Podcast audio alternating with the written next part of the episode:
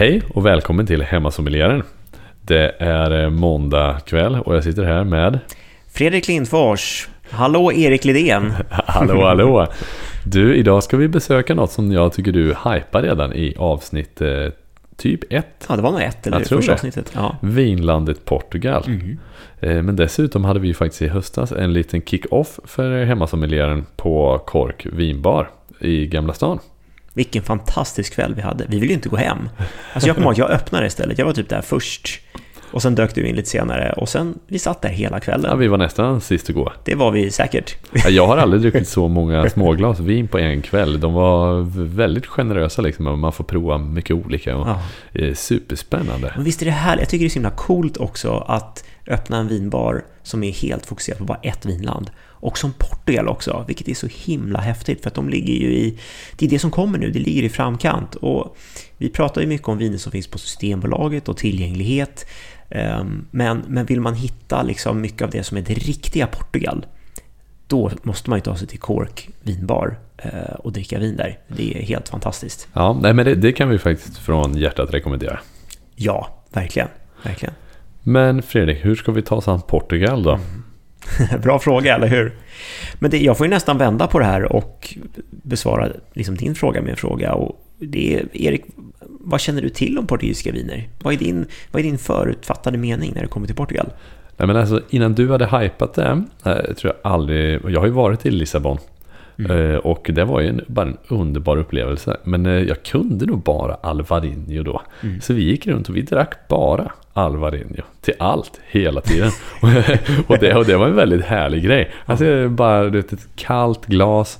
Det är nästan lite som att slicka på en sten ibland man dricker. Ibland kommer det lite, mm, ja, men någon, någon, någon liten frukt, men det är ofta ganska mineraligt fräscht. Eh, och det var ju så här vrålvarmt. Och jag har aldrig druckit så lite öl på en resa. Utan det var bara så här vita viner liksom. Eh, Snyggt. Men, men jag lämnar ju inte det med jättemycket kunskap mer än att Nej, åh, Alvarinho, det det var var, gott, ja. så gott. Mm. Och de hade små kiosker på torgen. Det tycker jag var helt underbart i, i Lissabon.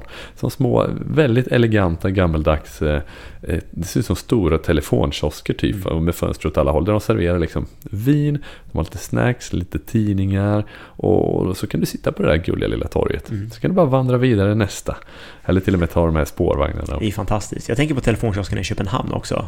Fast det är klart, det är lite mer ölfokus. Ja, men har de liknande alltså? ja, ja. ja. det är som typ nu är en telefonkiosk Ja. som är någon sorts bar. Ja, men det är ett väldigt trevligt i inslag. Men visst är det så i Sverige att man, man kräver väl att man ska servera mat. De har nog inte riktigt samma krav där på Mm. matservering. Det har ju luckrats upp ganska mycket i Sverige vad du får göra eh, för att få ett alkoholtillstånd. Förut så var jag tvungen att ha tillagad mat och fettavskiljare och såna här grejer i restaurangen. Men nu kan ju liksom sushi-hak och, och lite enklare ställen också ha alkoholtillstånd. Hade man kunnat öppna en sån här portugisisk, eh, köpenhamnsk fusion eh, kiosk på Odenplan? Det hade varit något. Alltså, det, tänk dig vet, de här gamla fina telefonkioskerna som Ja. har runt om i Stockholm. Bara ha en sån. Ja. Och sen så har du lite grejer runt omkring och så lite stolar och sen så... Det där kanske är hemmasommelierens eh, framtida... Exakt, en liten sommar, en sommarvinbar. Så får vi ställa in semestern den sommaren och bara Ja. hälla vin istället. Ja, Nej men eh, lite får man sväva ut men eh, om vi ska rätta in oss i ledet. vi Hur måste tyck- tillbaka. Ja, Fredrik, hur, du får, jag tror att det är många med mig som är väldigt nyfikna på Portugal. Ja. Men som undrar, hur ska man angripa det då? Utöver att vi vill höra en hel del om Albarinho och hur vi hittar de bästa och godaste. Mm. Nej men så är det ju, och det är kul att höra din erfarenhet också ifrån Portugal, Erik. För att den, till viss del kan den vara ganska talande. Menar, du har ju hittat Alvarinho och snöt in i den. Och, eh, alltså Portugal är ju ett land som, som verkligen är på väg att trenda. Vissa viner trendar och det kommer komma mer saker ifrån. Det är som är så himla spännande. Och titta på Alvarinho som druvsort, som då i Spanien på andra sidan gränsen eh, heter Albarinho, samma druvsort, eh, är ju verkligen en, en, en sån druvsort som har, har folk har hittat helt enkelt. Och tittar man på vitvinssidan så är det ganska få druvsorter egentligen som, som det handlar om i någon sorts volym i vårt avlånga land. Det är Chardonnay, det är Sauvignon Blanc, det är Riesling eh, och det är egentligen de stora druvsorterna. Sen finns det ju, sen blir det betydligt mycket mindre volymer på mycket annat. Och där börjar ju Alvarinho komma in och, och peta. Både från Spanien och ifrån och ifrån Portugal. Eh, så det är ju klart, det är en intressant druvsort som har ett eh, väldigt säreget uttryck och är väldigt högklassigt. Eh, så det är kul att du hittat dit. Men jag tänker också här, Portugal är en sån otroligt fantastisk vinskatt. Både om du är riktigt klassisk vindrickare, men även om du är lite nyfiken, innovativ vindrickare också. Och jag menar, Portugal kanske framförallt är kända för portviner. Alltså det är ju deras verkligen traditionella superklassiska vin. Och den otroligt vackra Dorodalen eh, där, där så att säga portvinerna kommer ifrån. Sen har vi också Madeira, det får man inte glömma. Det är ju en annan eh, starkvins ursprung egentligen. En eh, jättehäftig liten ö som ligger ute i Atlanten eh, där man producerar otroligt läckra starkviner som i många fall är helt odödliga. De, de, eh, de, de kommer inte åldras, de kan aldrig bli för gamla. Det är jättehäftigt. Det kan vi, kan prata lite mer om det eh, senare i avsnittet när vi berör Madeira mer. Och sen finns det ett område också utanför Lissabon som heter Colares som är superunikt på det sättet att eh, man producerar otroligt lite vin. Samma sak, väldigt långlivade viner. Jätteeftertraktade, traditionella, oxidativstilade viner i ett område där man bara producerar 10 000 flaskor per år. Men du, det drack vi på kork, eller hur? Eh, vi drack det faktiskt inte. Nej, men vi, vi fick se det. Vi fick, precis, för de hade inte det inne just då, för det just, finns så himla lite. Men visst var det så att det, det var en, liksom någon gammalt område som var typ oersättligt, men de byggde bostäder över det? Exakt. Det Lissabon håller på att expandera, så att, eh, så att vinregionen håller på att försvinna. Och sen ligger den ute på, alltså det, är egentligen, det mesta ligger på sandbank, alltså det är precis emot vattnet. Ehm, så att det, det är inte helt enkelt att arbeta där heller. Men det är en väldigt unik plats, jättehäftigt.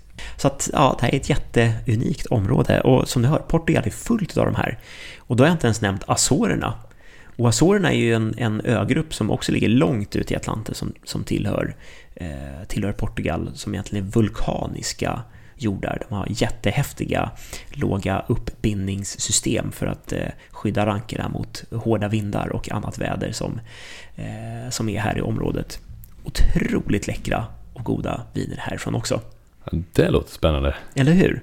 Så att, eh, ja, det där var väl någon sorts introduktion till eh, vad man kan hitta och vad man kan förvänta sig runt om i Portugal.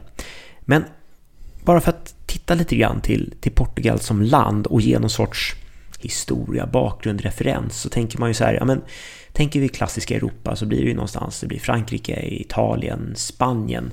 Spanien och Portugal delar ju mycket ihop med tanke på att det är ju ja, den iberiska halvön då så att säga.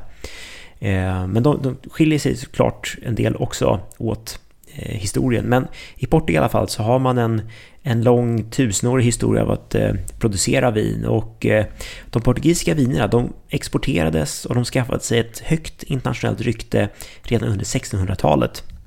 Och Lissabon var redan vid den här tiden en viktig handelsplats och man skeppade vin till, ja, till världens alla hörn egentligen.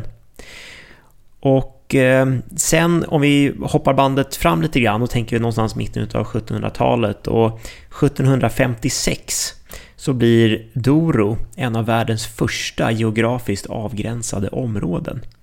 Det var inte så vanligt på den här tiden att man liksom satte någon sorts avgränsning. Att, men för att göra Douro, i det här fallet då portvin, så måste du komma ifrån specifikt just det här området. Att man liksom skrev in det i en, i en, i en lagstiftning. Och vi pratade om champagne tidigare och att champagne fick ju liksom inte sin ordentliga lagstiftning och man avgränsade området mer exakt först på 1930-talet. Så att det är ändå en, en ganska stor skillnad. Men jag tror någonstans också för att förstå den här resan som, som Portugal har gjort och dess utveckling så får vi titta oss tillbaka lite grann till, till historien. Och vi backar bandet till slutet av 1800-talet när landets ekonomi är så dålig så att de de, går, de blir statsbankrutt helt enkelt. Och, och då eh, var landet väldigt korrupt. Och det här var någonting som eh, kungen då, Karl den Förste, ville få bukt med. Så han tillsätter en ny regering för att eh, råda bot på det här problemet helt enkelt.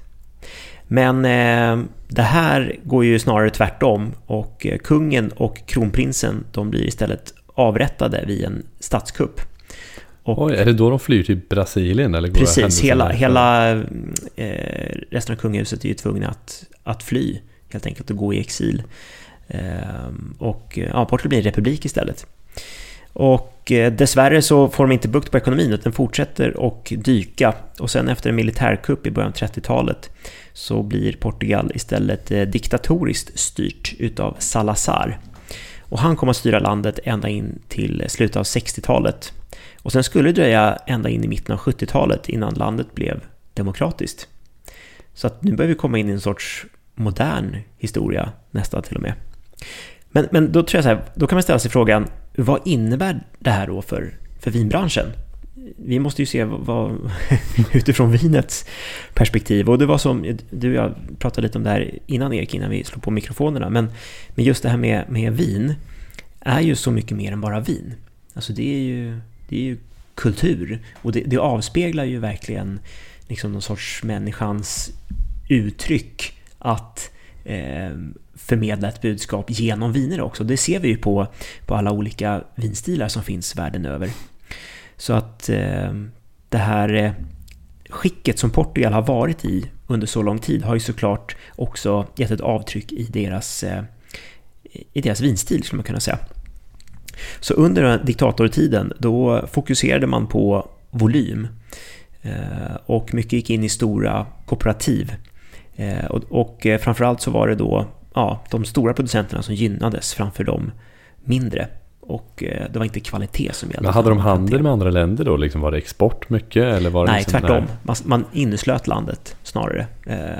Och ja, det var mer en ja, inhemsk, inhemsk marknad. Ja, precis. Och då kan man ju tänka sig att då, då gäller det att då ska man tillgodose sitt folk med, med viner. Och då kanske det inte bara är topp, topp klass viner på, på allting. Ehm, och om vi då kan ta bara ett exempel ur allt det här så, så regionen Dao där fick producenterna inte längre sälja sina egna viner utan de var helt enkelt tvungna att skicka dem till det lokala kooperativet. Och eh, det här gjorde ju direkt då inte någon sorts stordåd för varken eh, kvaliteten eller för moralen. Men det är inte så lätt att eftersköta vingården om man vet att det här ändå bara ska gå i någon sorts stor fabriks bulkproduktion. Nej men verkligen så lägga ner sitt blod, svett och mm. verkligen få de bästa druvorna. Utan nej, då släpper man det liksom. Precis, precis. Så det, det är bakgrunden och eh, det är liksom kanske därför vi inte har sett Portugal slå stort tvärs över så som ja, men Frankrike och Italien som verkligen är våra toppländer eh, på många sätt. Som har, alltså titta på fransmännen, deras det de har gjort är att de har egentligen bara förfinat, förfinat, förfinat. All, det är liksom deras produktion i typ 2000 år. Så att det, det, är inte så konstigt att, att de har kommit till ja, dit de är helt enkelt. Så att Portugal, de har ju fått jobba i kapp ganska snabbt dessutom. Det som händer sen när, när det börjar bli fritt är att då kommer en generation som, eh, som vill ja, men, slå sig fria ur sina bojor helt enkelt ifrån från det här diktatoriska och göra lite vad de vill. och, och där ser man också att det kommer in mycket internationella druvsorter och det sättet att sälja vin på, kanske framförallt under 80, 90 och en bit in början på 2000-talet, då, då förstod man ju liksom inte de här portugisiska inhemska druvsorterna Eh, som är liksom deras stora nyckel och deras juveler egentligen. Utan då var det ju Cabernet Sauvignon, Shiraz och Chardonnay och Sauvignon Blanc som, eh, som, eh, ja, som sålde helt enkelt. Så att man såg mycket av de druvsorterna planterade i vingårdarna. Men sen så blandade man upp det med lite andra internationella druvsorter. Så man drog ju inte upp alla de här Toriga Nacional, eh, Castelao, Baga, Toriga Franca, Trincadeira. Alla de här. Okej, men när diktaturen släppte liksom, då var det mer lugn, då ville man ändå ta in lite internationella och testa ja, på liksom. Ja, precis. Ja. Då, då vill man ha en, alltså då hittar ja. man lite andra marknader. Och då var det lite hybrid liksom. Man, man odlar både det gamla traditionella och det lite mer moderna internationella istället. Ja, i symbios. Eh, precis. Men, men, men man fokuserar, fokuserar ganska länge då ska jag säga på att göra enkla bordsviner fortsatt. För det var det man, det var det man gjorde egentligen. Skulle jag säga. Ehm, men sen kommer vi till en punkt idag där vi verkligen börjar se en brytpunkt för Portugal. Och det, det har pågått ett, ett antal år. Ehm, men där man får allt större intresse för men, deras egna inhemska druvsorter och de olika regionerna och vilket uttryck de här vinerna faktiskt har. Så nu är det upp, upp till oss egentligen att, att upptäcka allt det här, eh, vad Portugal har för storheter. Eh, och jag kan säga att man, om man tittar runt lite grann på Systembolagshyllan så man märker det att eh, Portugal har en lång väg kvar att, att gå. Det är inte alltid man blir sådär skitimponerad när man tittar på hur utbudet ser ut. Eh, men det blir bättre och det kommer ändå en del roliga grejer i, i tillfälliga sortimentet som man, kan, som man kan leta upp som är roligt. Men, eh, men jag säger det återigen, det finns mycket, mycket mer att hämta i Portugal som är jätteläckert.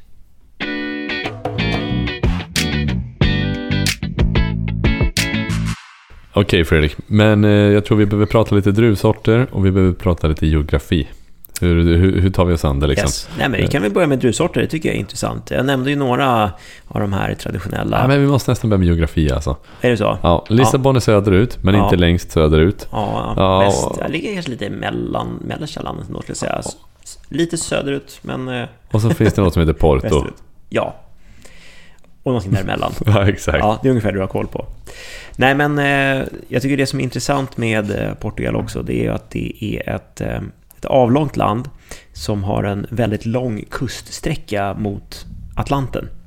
Så att de här Atlantinfluenserna ger ju sin tydliga prägel också på, på vinerna.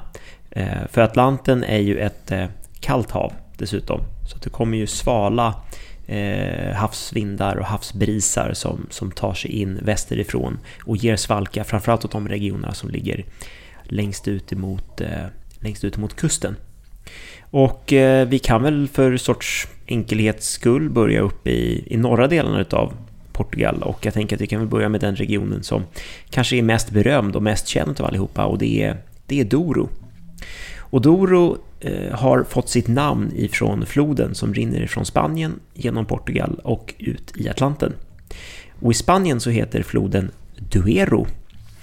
Och eh, du kanske känner igen vinregionen Ribera del Duero? Ja, det är där Pingus håller till. Bland annat, ja exakt. Ja men precis, de är väldigt kända för sina röda viner eh, i Ribera del Duero.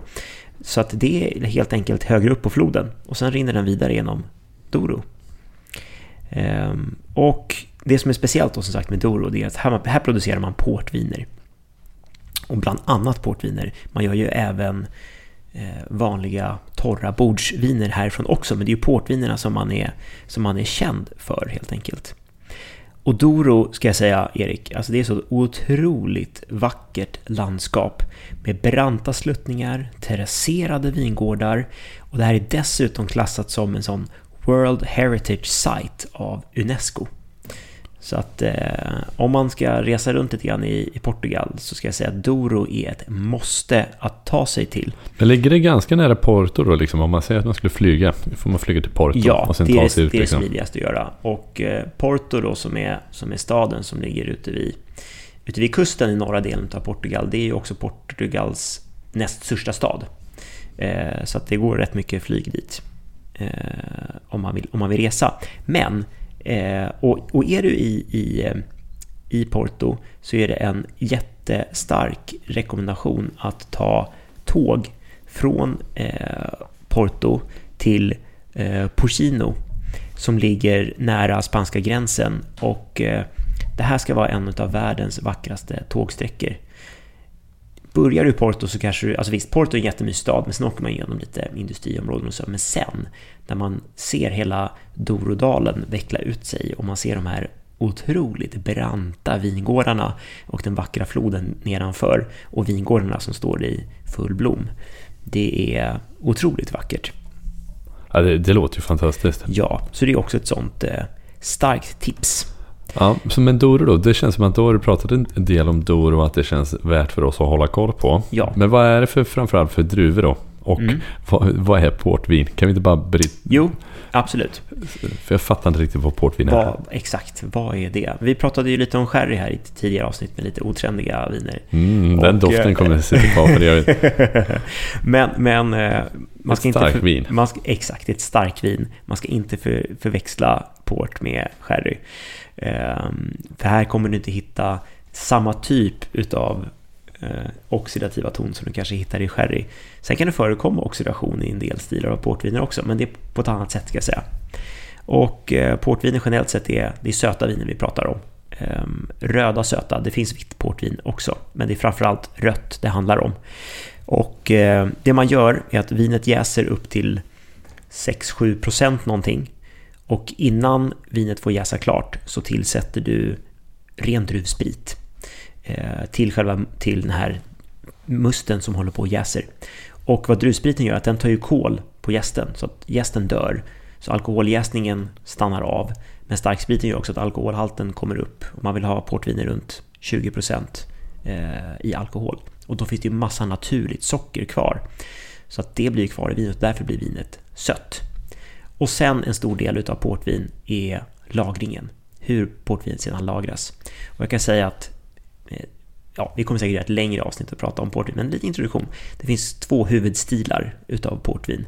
Den ena som man kallar för Ruby, alltså rubin. Och det är viner som, som är friska, fruktiga och har en riktigt sådär rubinröd, lite lila färg, eh, lila-blå färg i sig. Och sen är det Tawny, alltså en mer tegel eh, eh, vin som är mycket ljusare och är mer brunt i färg då, färg då helt enkelt. Och den har ju då fått, eh, fått oxidera lite grann och få lite sådana här nötiga komplexa Och bara av att se ditt ansikte nu så låter det som att Tony är den, eh, den nördiga, extra nördiga, lite nischade vad man gillar. För det såg ut som du gillade det mer när du pratade om det. Ja, jag ska säga att Tony är väldigt mycket instant pleasure. Um, medans, medans Ruby är um, okomplicerat gott. Eh, samtidigt som att om du gör till exempel vintage port, vilket är egentligen det finaste de gör i området, så är det sådana viner som du kanske ska lagra 30, 40, 50 år innan, innan du dricker dem. Och där sker magin. Eh, men det är säkert jobbigt att köpa en ung årgång av vintage port och lagra den sen i 50 år. Kräver dedication. Ja, jag vet inte om jag har tålamod för det riktigt. Eh, men i alla fall, så att, ja, väldigt kort. Där har du portvin, helt enkelt.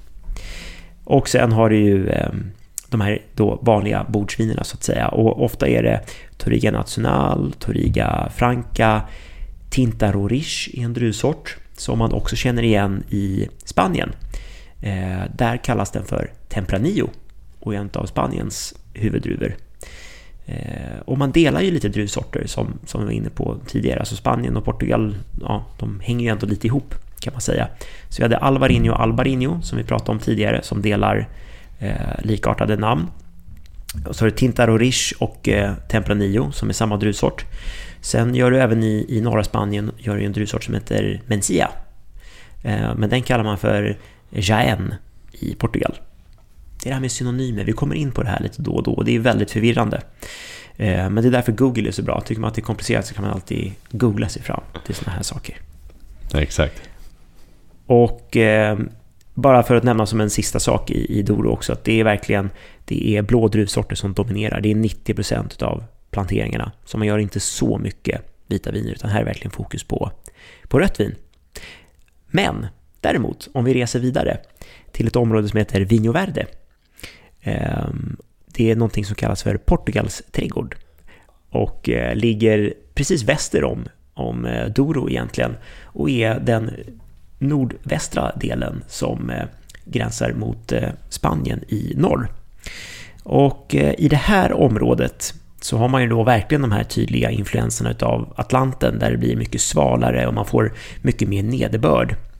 Och Porto pratar vi ju som stad tidigare och Porto ligger ju faktiskt i Vino Verde.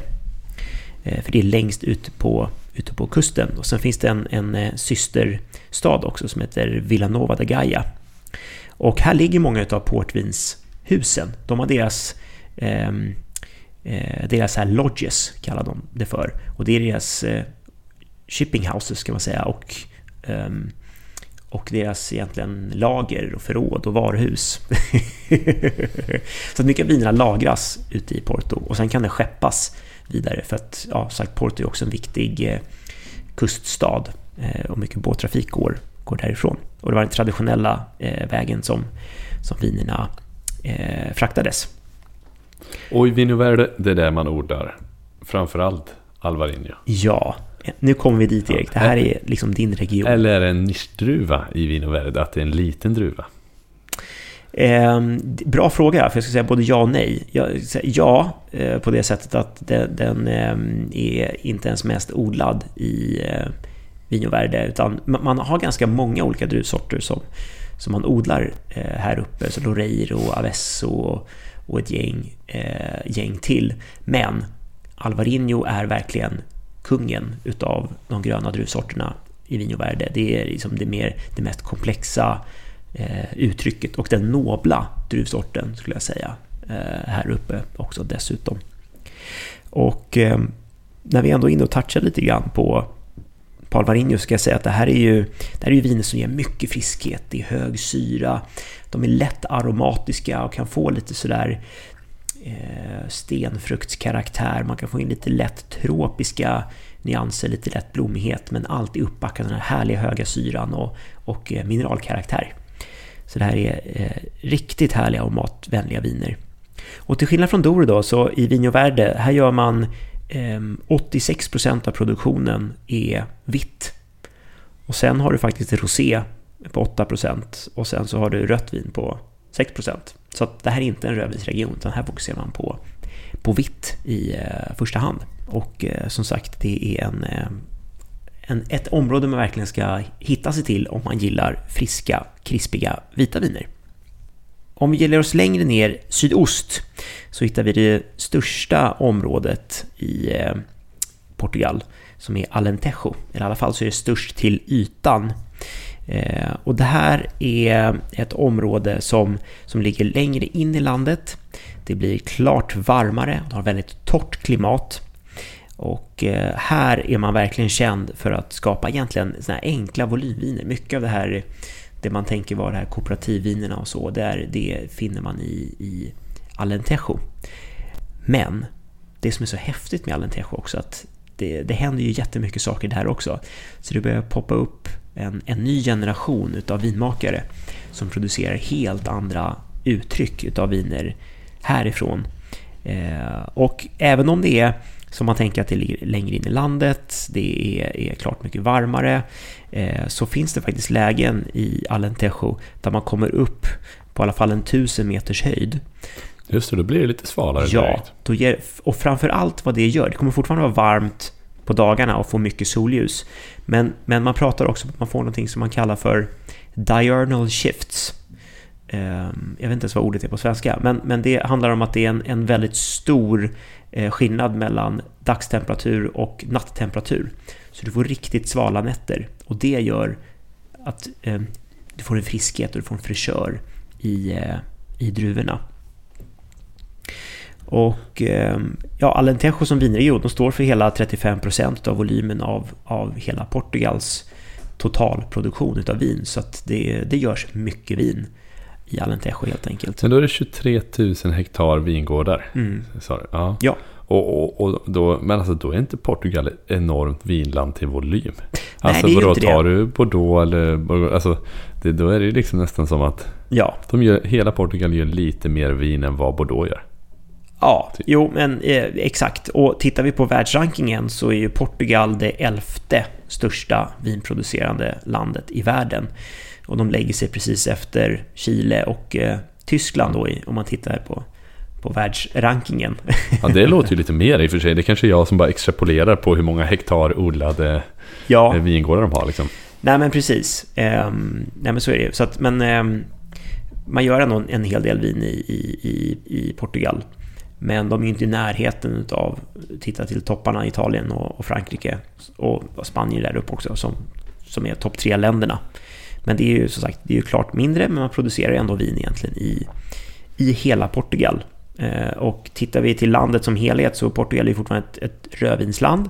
Eh, där 66% av planteringarna är blå druvsorter och 34% är gröna druvsorter. Så att det finns ändå en hel del vitt, vilket man ändå så här, man kanske verkligen tänker Portugal som ett helt rödvinsland, men det finns mycket vita viner. Och Vinjovärde som vi pratade om, absolut. Men du hittar i Alentejo också. Och framförallt som sagt på de här de högsta höjderna så kan du hitta en hel del häftiga eh, vita viner. Och nu Erik, nu måste vi snacka om Lissabon. Du gillade ju Lissabon som stad i alla fall. Ja men verkligen jättehärlig stad. Jag tycker också Lissabon är helt fantastiskt. Men det finns ett vinområde, alltså egentligen producerar ju vin runt om Lissabon också. Och sen finns det en massa, många eh, fler mindre vinområden inom Lissabon. Men man kan gruppera in dem till att bara prata om Lissabon eh, egentligen. Men eh, även Lissabon då, har ju väldigt tydliga Atlantinfluenser som ger tydlig fräschör till vinerna. Eh, och eh, någonstans också, precis som Alentejo, kan man ändå hitta bra, enklare viner ifrån en del av områdena här också. Som vi sa tidigare den här kooperativstiden så finns det mycket spår av, av vardagsviner härifrån också. Eh, men sen har vi det här Colare, som jag pratade om, som är alltså ett, ett unikum. Ett område som ligger nordväst om stan och där vingården är planterade mycket, mycket nära havet. Jordmån är som sagt mestadels sand och vinlysen ja, gillar inte det här området och kom aldrig, kom aldrig hit helt enkelt. Och idag finns det bara ett tiotal producenter kvar här i regionen men de gör några av Portugals absolut mest eftertraktade viner. Och vinrankerna de tränas som man skär ner dem till korta buskar egentligen. Det är för att de ska motstå den vind och det här mer extrema vädret som, som de har ute på, på kusten. Och sen skulle jag säga att det här, de, de röda vinerna som man producerar här, de har en, en strävhet och en karaktär som man nästan kanske skulle kunna påminna om Nebbiolo, fast med lite annan fruktprofil. Men de är riktigt, riktigt långlivade och som traditionell Barolo så behöver de också tid och lagring innan de visar sig från sin, sin bästa sida. Men jag menar idag, det finns årgångar från 50, 60, 70-talet ifrån Colares som dricker helt fantastiskt Eh, nu. Så att det, är det jätte, jättehäftiga eh, viner. Och de röda vinerna görs på, på en druvsort egentligen, som heter Ramisco. Och de vita vinerna görs på en, en specifik klon utav eh, Malvasia härifrån. Så att har man möjlighet att, att, att hitta någon vin från Colares så köp hem det och prova det. Det är jätte, jättehäftigt, men de är otroligt svåra att, eh, att få tag i. Och sen får vi inte glömma öarna heller. Vi har ju Azorerna och vi har Madeira. Och jag kan bara börja nämna lite kort om Azorerna som är den här häftiga ögruppen som ligger långt, långt ute i, i Atlanten. Eh, som är vulkanjordar som jag berättade om tidigare. Det är väldigt speciella uppbindningssystem. Alltså jorden är helt svart här till exempel. Den, den är eh, så pass Ja, det är vulkan. Det är, det är ja. vulkanjord helt enkelt. Och då blir det så himla häftiga kontrast när du ser de här gröna färgstarka rankerna som sticker rakt upp ur de här svarta jordarna. Det är jätteläckert. Och i Azorerna så har man ungefär 1700 hektar planterat så att det, är, det är inte jättestort. Och det är tre, tre av de här öarna egentligen som, som har vingårdar planterade i delar utav sig. Eh, och här hittar man, jag skulle säga framförallt väldigt läckra vita viner. Arinto do Azores eh, är väl det man ska hålla span efter. Eh, och det är jätteläckra, mineraliska, friska, lite lätt salta viner och få den här havskyssen. Ja, det låter ju väldigt härligt. Och, och grejen är, då tänker jag vulkan, liksom, Etna är väldigt hypat. Mm. Liksom. Nu ligger det mer Medelhavet in. Men alltså, hur ligger Azorerna då, eh, vin därifrån, prismässigt och tillgänglighetsmässigt? Mm. Det, det, var inte så många hektar. Går det ens att få tag på? Ja. Och liksom, vad, vad kostar det? Ja, Nej men det, det finns ett vineri i alla fall som vi brukar få tag i hyfsat ofta här i Sverige i alla fall. Och de heter eh, väldigt lämpligt nog Azores Wine Company. Superenkelt. Ja, det är verkligen. verkligen. Eh, och jag tror att vinerna där, de ligger... Börjar väl kanske någonstans 250 någonting kronor uppåt. Eh, men det ska jag säga, det är verkligen väl värt att söka upp de vinerna. De är jätte, jätteläckra. Men om man då får ta på ett sånt, det är lite salt, lite så. Okej, okay. man tänker mat, man tänker vin. Ja, ja, vad, ja. det, det tycker jag inte vi har pratat om i hemma som än. Vad gör man till ett saltvin? Vad, vad ska man servera då? Nej, men det är det som är grejen som, som vi pratade om tidigare. Vad, vad ger sälta för någonting? Ja, men sälta ja, bara mer smak. Ja, exakt. Det är en sån här smakbindare. Den bygger bryggor. Eh, den gör att liksom, man skruvar upp allting och allting harmoniserar bättre. Så att egentligen skulle jag säga så här, nej, men matchar med allting som har en fin balanserad sälta i sig också så kommer det bli jättebra. Och det här är vita viner som, så här, återigen, mycket friskhet, mycket fräschör.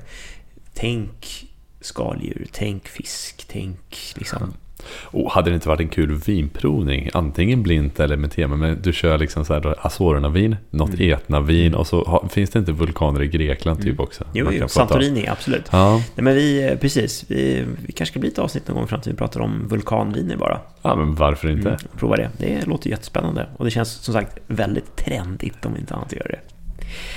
Ehm, vi har ju en ö kvar också som jag vi inte får glömma att nämna och det är ju Madeira. Och eh, där kanske en del tänker så här, men dit åker ju alla pensionärer på semester. och det stämmer väl tänker jag också, att det är många som gör det. Eh, men Madeira har ju en, eh, en väldigt härlig historia utav vinproduktion också, precis som portvin skulle jag säga. Här är ju starkviner som, eh, som dominerar egentligen. Och det som är så unikt med Madeira är att de har egentligen en, en process, eller de, de har en karaktär, men, men vinerna genomgår en, en, en process eh, som gör att de egentligen blir odödliga. Det man kallar för madeirisering. Och vad det är egentligen, att de här vinerna är eh, varmlagrade. Så att eh, de, de bästa varianterna utav Madeira eh, och Madeira-vinerna de betecknas utefter sin stil och sin druvsort. Så typ Cercial, Boal, Verdello etc. Är, är både stilar och druvsorter. Men eh, de, de bästa varianterna de eh, varmlagras helt enkelt på loft. Så ligger bara nere på stranden. Ja, men alltså det är nästan så ska jag säga. De är fortfarande i, i hus, men, men det blir varmt för att solen ligger på här under dagarna. Och eh, det får en, eh, både en, en, liksom en, en påskyndad oxidativ karaktär, vilket gör att när vinerna är färdiglagrade på fat och ska buteljeras så är de fullt oxiderade. De kan inte oxidera mer. Eh, vilket gör att när du väl öppnar en flaska Madeira så kommer den också hålla sig i typ all evighet. Så det är bra att veta att en flaska Madeira kan man alltid ha hemma och gå och små smyga lite på. Och det blir, det blir inga bakterier där, ingenting liksom. Den, den bara håller sig bara konstant. Ja, ja, egentligen. Så är det så. Och, och varför dricker man Madeira? Ja, varför dricker man inte Madeira? Nej, men, men var det, är inte ett oxiderat vin äckligt vin? Nej, det är det inte. Jag tycker det är jättegott. det är, ja, men du, du har haft en, ehm, en upplevelse med fin och sherry, men jag, jag tänker att vi ska råda, råda lite bot på det här i framtiden. Och jag, det jag tror att du var mest eh, störd av var de här aldehydkaraktären som man känner i just fin och sherry. Det här är att den har genomgått den här biologiska florlagringen där du får det där det här sjögräsaktiga, det här lite mer bokna äpplen, stil, hela den, nyslaget gräs, alltså den lite karaktären. Hoppas jag i alla fall.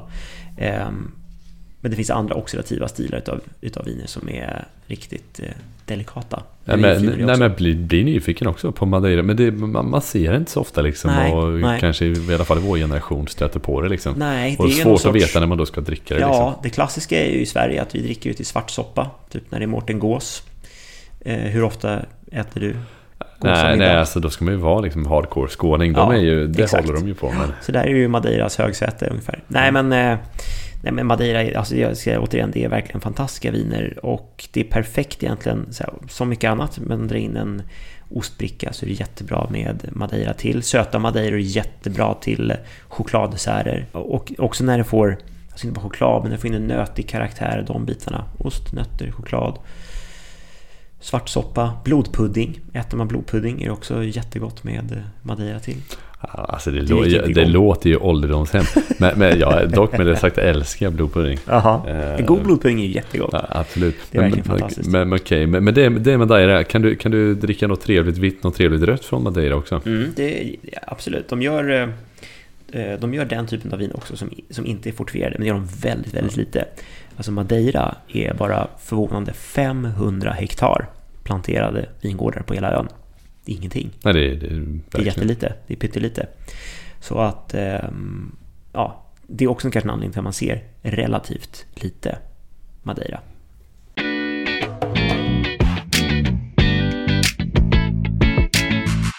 Ja, men Fredrik, nu har det varit mycket regioner och mycket druvor. Vad, då måste vi gå vidare liksom. Vad käkar man i Portugal?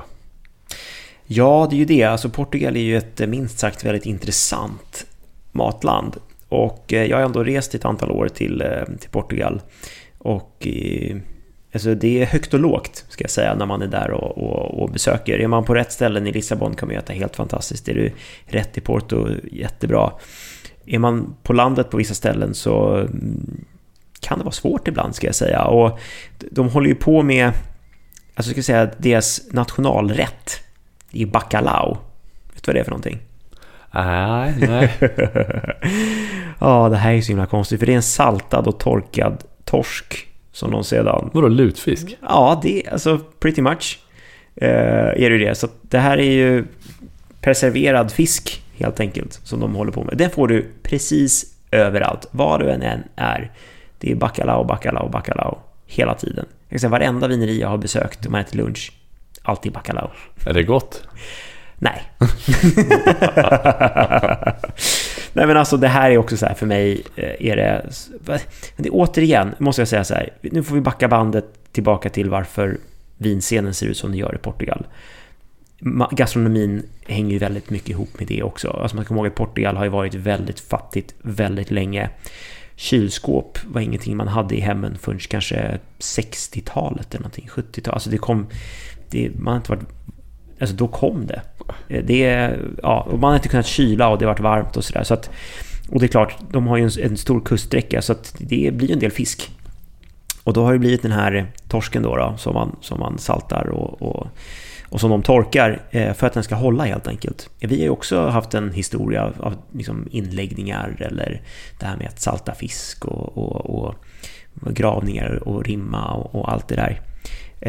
Men, men då äter vi ju det som det är egentligen. Men de ska ju tillaga det efter att det har saltats och torkats. Och då är det ju... Ja, jag tycker det är, det är synd på att de har så mycket bra färsk fisk och att man får äta perserverad fisk eh, när man väl är där. Och det, det blir en annan... Det en helt annan grej. Eh, så att eh, jag förstår varför det är en så stor grej eh, med bacalao, men, men det, det är inte en favorit ändå, ska jag säga. Men är man i Portugal, alltså, man ska absolut prova det. Och eh, ja, om du inte säger någonting så kommer du få prova det om du är på restaurang. Du kommer se det överallt. Eh, men, men, men däremot, det som finns också, eh, finns jätteläckra fisk och skaldjursrestauranger. För det de har i Portugal är helt otroliga skaldjur. Alltså det finns... Eh, de äter ju massa hummer och det är havskräftor. De äter ju sån här spiny lobster som är otroligt Alltså det är jätte, jättegott. Vet du hur de ser ut? Nej. Det är som humrar fast de har inga klor. Och sen kan de bli jättestora. Alltså hur många kilo som helst. De kan bli som halva du, jag på säga. ja, men en meter, eller nej, kanske inte meter, men de kan bli jättestora. Ehm, vilket är supergott. Och sen har de någonting annat också som är en riktig delikatess.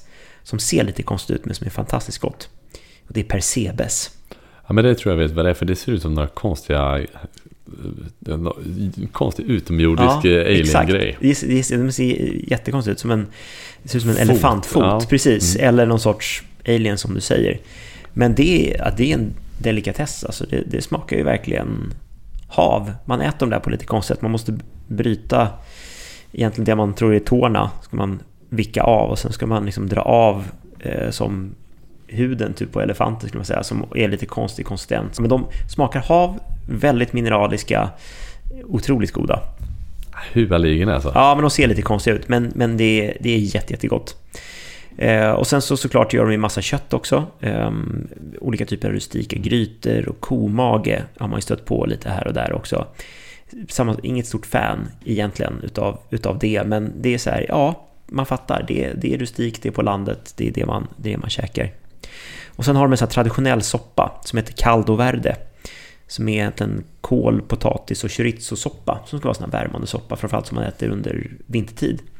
Eh, som är väldigt, väldigt, väldigt gott. Men har du käkat det som jag tycker var absolut godast? Men det är ju bakverk. Det är så här små, eh, ser nästan ut som en liten ja, men, en liten elegant, eh, som en massarin fast den är fylld med vaniljkräm typ. Eller så här. De heter något speciellt. Ja, ja, ja, ja. Eh, de kostar typ en euro och alla gör dem och är ruggigt goda. Ja, alltså. Ja, då, uh, jag är osäker på om det är just de jag provat, men de gör ju en sorts crème brûlée eller crème caramel ja, typ, liknande uh, dessert. Men det är ett litet bakverk liksom, som är tydligen jätte-Lissabon-traditionella. Mm. Otroligt gott. Mm. Mm, det är ja, lite, lite, lite sidospår. Söt vit port till det kan ju vara rätt gott. Men Erik, nu undrar jag, vi har ju snackat eh, en del mat och eh, lite såna här grejer. Och det får en ju osökt att tänka på vin. Så att eh, jag börjar bli törstig i alla fall. Vad, känner du att det börjar bli dags att prova någonting? Nej men det är absolut, take it away. Ja, härligt.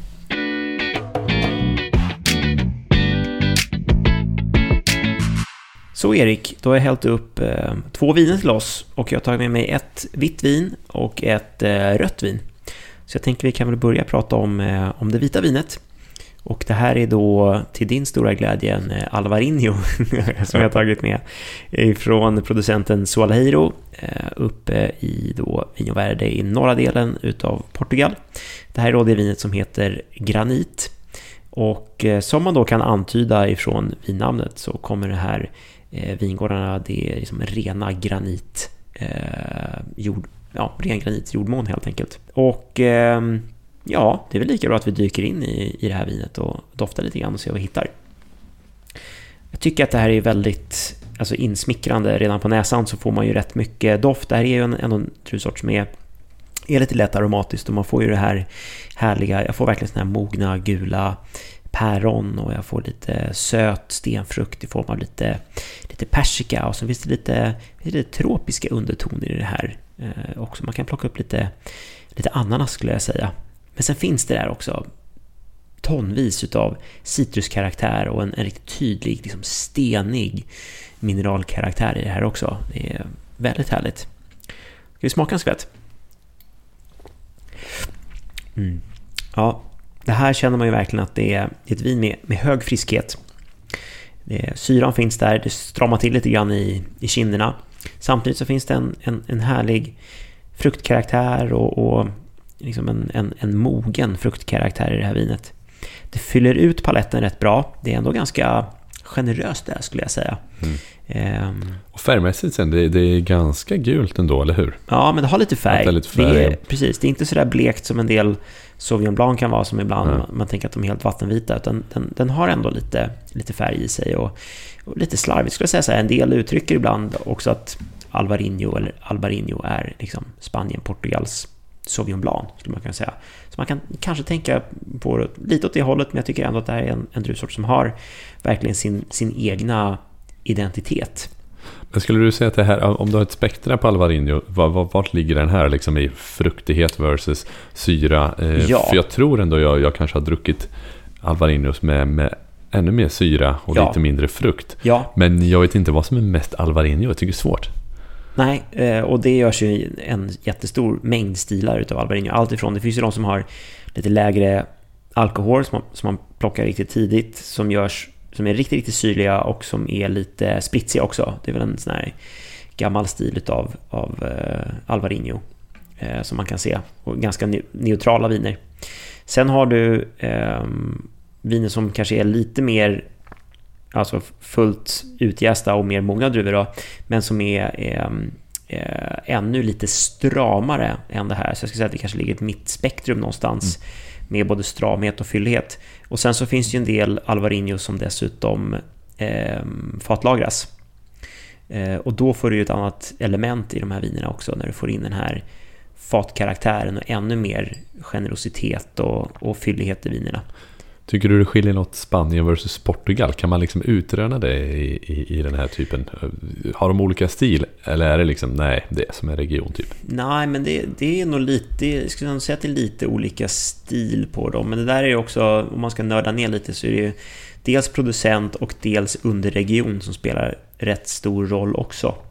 Och jag tänker att de kanske mest uttrycksfulla spanska, eller de vi ser mest i alla fall, de spanska Alvarins från Galicien kommer från Rias Baixas.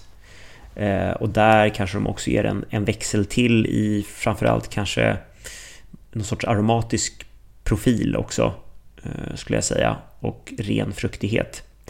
Eh, sen ska jag säga, just om vi tittar på den portugisiska sidan, där eh, eh Soalheiro ligger, så kommer det från eh, Monsao Emelgasso, som ligger i, i nordligaste delen av Portugal, som gränsar upp mot Spanien, eh, som i en typ skyddad dal skulle man säga. Så det här är en av de varmaste lägena i just Vinho Verde. Ehm, så att de får väldigt bra solexponering och bra mognad eh, här uppifrån. Och namnet Soalheiro betyder just solig plats dessutom. Så att det här är lite mer solkyssta viner. Ja, ja, men ett solmoget vin som möter havet typ. Ja, lite så skulle man säga. Och är jättebra till havets läckerheter. men om du skulle röra dig bort från fisk och skaldjur, kan man, kan man, vad kan man ha mer?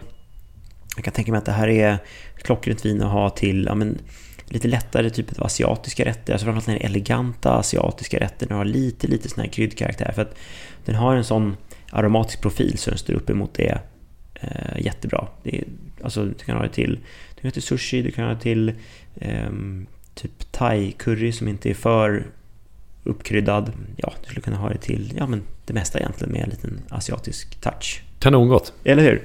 Då ska vi se, vi har ju ett rött vin med oss också. Och eh, nu ska vi göra någonting helt annat. Nu, eh, nu, är det, nu reser vi vidare till ett vinområde som heter Dao. Eh, som egentligen ligger söder om, om Doro. Och det här är ett vin som heter Pika Pika.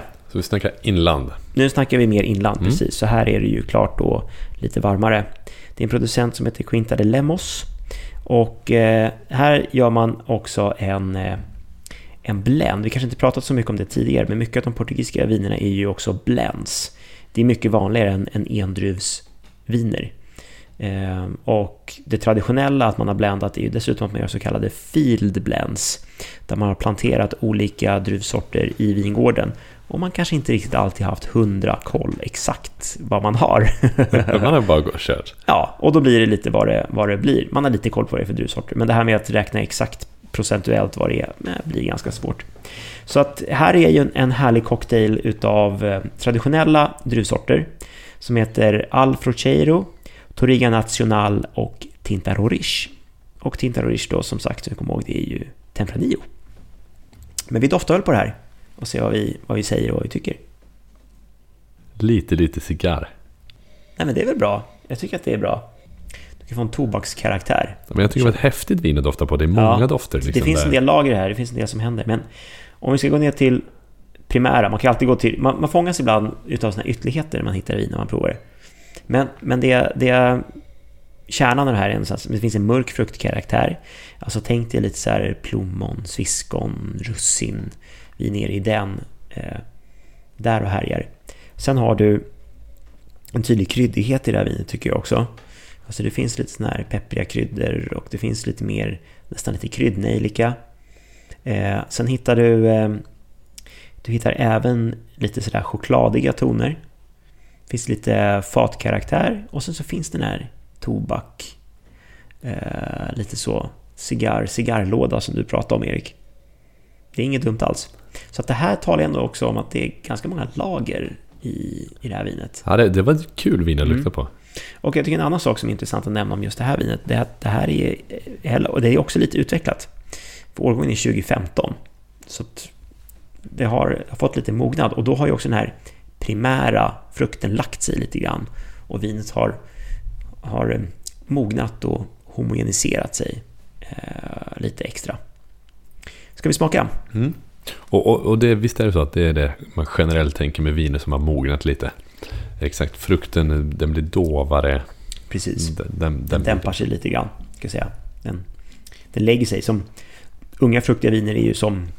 Ja, som, eh, som ja, barn. Rosé för förra avsnittet, en ytterlighet. Liksom det är ja, färska jordgubbar, det är precis, hallon. Det är liksom... exakt. Och det är mycket av den karaktären. Det är det man känner. Det här var ett gott vin. Det här är gott, jag tycker att det är seriöst. Och eh, det, är ett seriöst vin. En seriös kille med seriöst vin. Ja, vi försöker. Ja, men det här är som du säger, när man, när man eh, blir lite sådär insmickrad av vinet, man vill bara dyka ner och stoppa ner näsan ännu mer. Det är ett väldigt gott tecken för att det är ett vin som, som har lager och nivåer. Det här kostar 179 spänn. Så wow! Att, eh, så att man får ändå säga att det här är ändå ett, ett fynd i det avseendet. Ja, det här, det här kommer jag köpa hem. Mm. Ja, det... För, för det går att skaffa eller? Ja, ja finns, finns nu på, på Systembolaget. Um, Okej. Okay. Lite struktur i det här också. Det, jag skulle säga, visst det finns syrlighet. Visst det finns strävhet. Men det är rätt bra integrerat där. Men det är ändå det, de två ge lite ryggrad. Sen så kommer, som fruktkaraktären ligger liksom lite, lite bakom det där. Och man känner att det har tonat ner sig lite grann. Det ligger på en väldigt sådär elegant, finstämd nivå. Men samtidigt känner man det här som vi pratar om så många gånger. Tänk på eftersmaken. Den sitter verkligen, verkligen i. Och den är nästan konstant. Du dricker vinet, smakar den och sen tar det liksom inte slut på en ganska bra stund. Så det är också ett kvalitetstecken. Nej, det är väldigt sant alltså. Mm. Det är toppenkul mm. vin alltså. Vad, vad äter jag till det här? Ska ja. jag, får jag testa? Ja, kör! Nej, men jag tänker att det här är ett vin med mycket smak, det är ett vin med mycket doft. Det här kan man då trycka upp smakerna liksom. Mm. Eh, men, men alltså, säg att man skulle ha så här om du skulle grilla en kyckling som är ett lite lättare kött, mm. då gäller det att trycka på med smak. Ja. Då kan du nästan ja. ha här, någon, någon, stark sås till, eller, eller krydda upp rejält, liksom, mm. inte bara lite smör. Mm. Eh, och, och, annars om du går på liksom, eh, ja, men jag vet inte, mycket smaker. Att jag skulle våga liksom.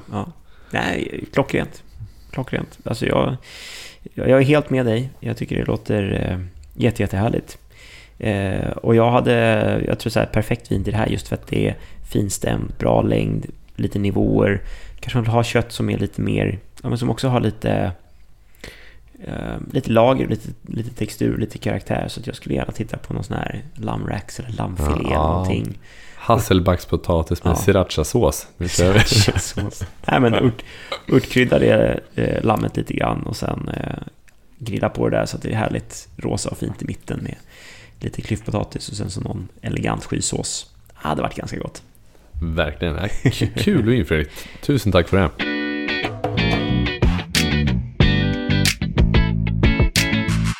Okej Fredrik, alltså jag får tacka för den här genomgången av Portugal. Väldigt kul. Men hur tycker du, liksom, för när du tar den portugisiska maten till exempel. Jag tror ingen, nu ska du öppna en portugisisk typ kycklingställe nära mig på Upplandsgatan. Det är jag väldigt peppad för. Mm. De verkar otroligt seriösa. Men okej, okay, ingen kommer orka laga portugisisk mat i sommar rakt av. Men, men hur ska vi liksom ta oss an de portugisiska vinerna med de svenska grejerna som vi kommer liksom... Hur, hur ska vi tänka där? Mm.